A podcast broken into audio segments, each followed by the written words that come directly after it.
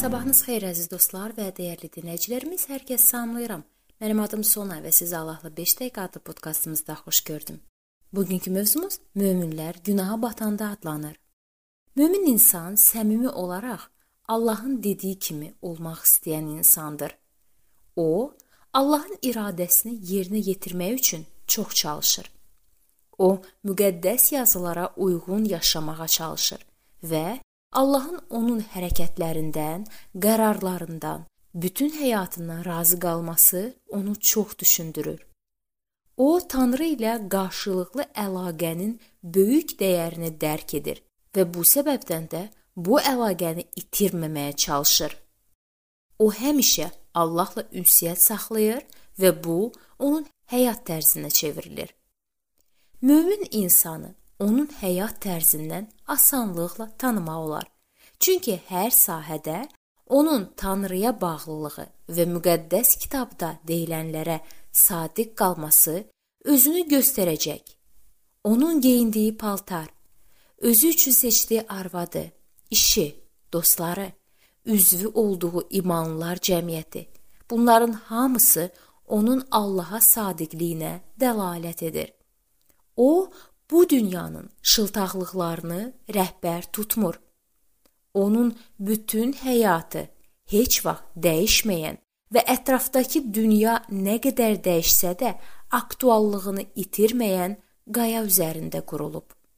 Belə bir insan hər şeydə sadəcə 1-ci Saloniklərə 2-ci fəsil 12-ci ayədə deyildiyi kimi əhd-i cədidin prinsiplərinə uyğun yaşamağa çalışır təvəzzükarlıq, dünyadan ayrılma, sadəlik, itaətkarlıq kimi müqəddəs kitab prinsiplərinə sadiq qalmağa və həm də bütün digər məsihçi fəzilətlərinə malik olmağa çalışmasına görə hansısa mənada onu mühafizəkar bir insan adlandırmaq olar.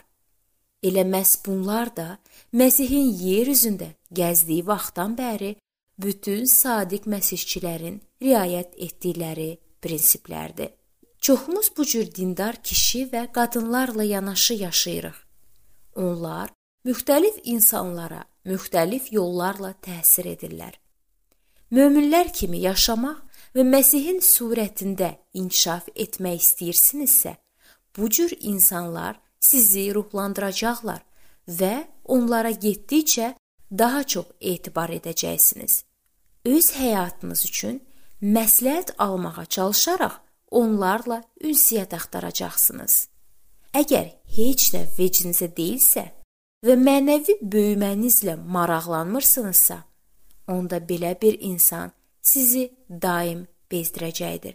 O sizin gözünüzdə həyatdan dırnaq arası həzz almaq və öz dırnaq arası azadlıqlarınızdan istifadə etmək yolunda bir mane olacaqdır. Onun təsir etdiyiniz işə görə özünüzdə daim günahkarlıq hissi yarada bilər.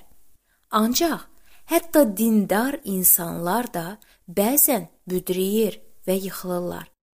Yəni hər hansı bir səhvə yol verərək günaha batırlar.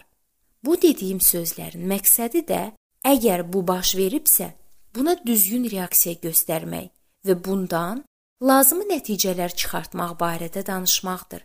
Şeytan çalışır ki, Allahın mömin bəndələrini günaha batırsın və əgər bu baş verirsə, onda o öz hiləgər xisləti ilə bundan istifadə edərək Məsihin işinə maksimum ziyan vurmağa səy göstərir. Göründüyü kimi Allahın mömin bəndələrində qüsur və səhvlər axtarmağa meylli olan insanlardan şeytan xüsusilə razıdır. Gəlin çalışaq ki, belə insanlardan olmayaq. Bu mövzunu biz növbəti görüşümüzdə araşdırmağa davam edəcəyik.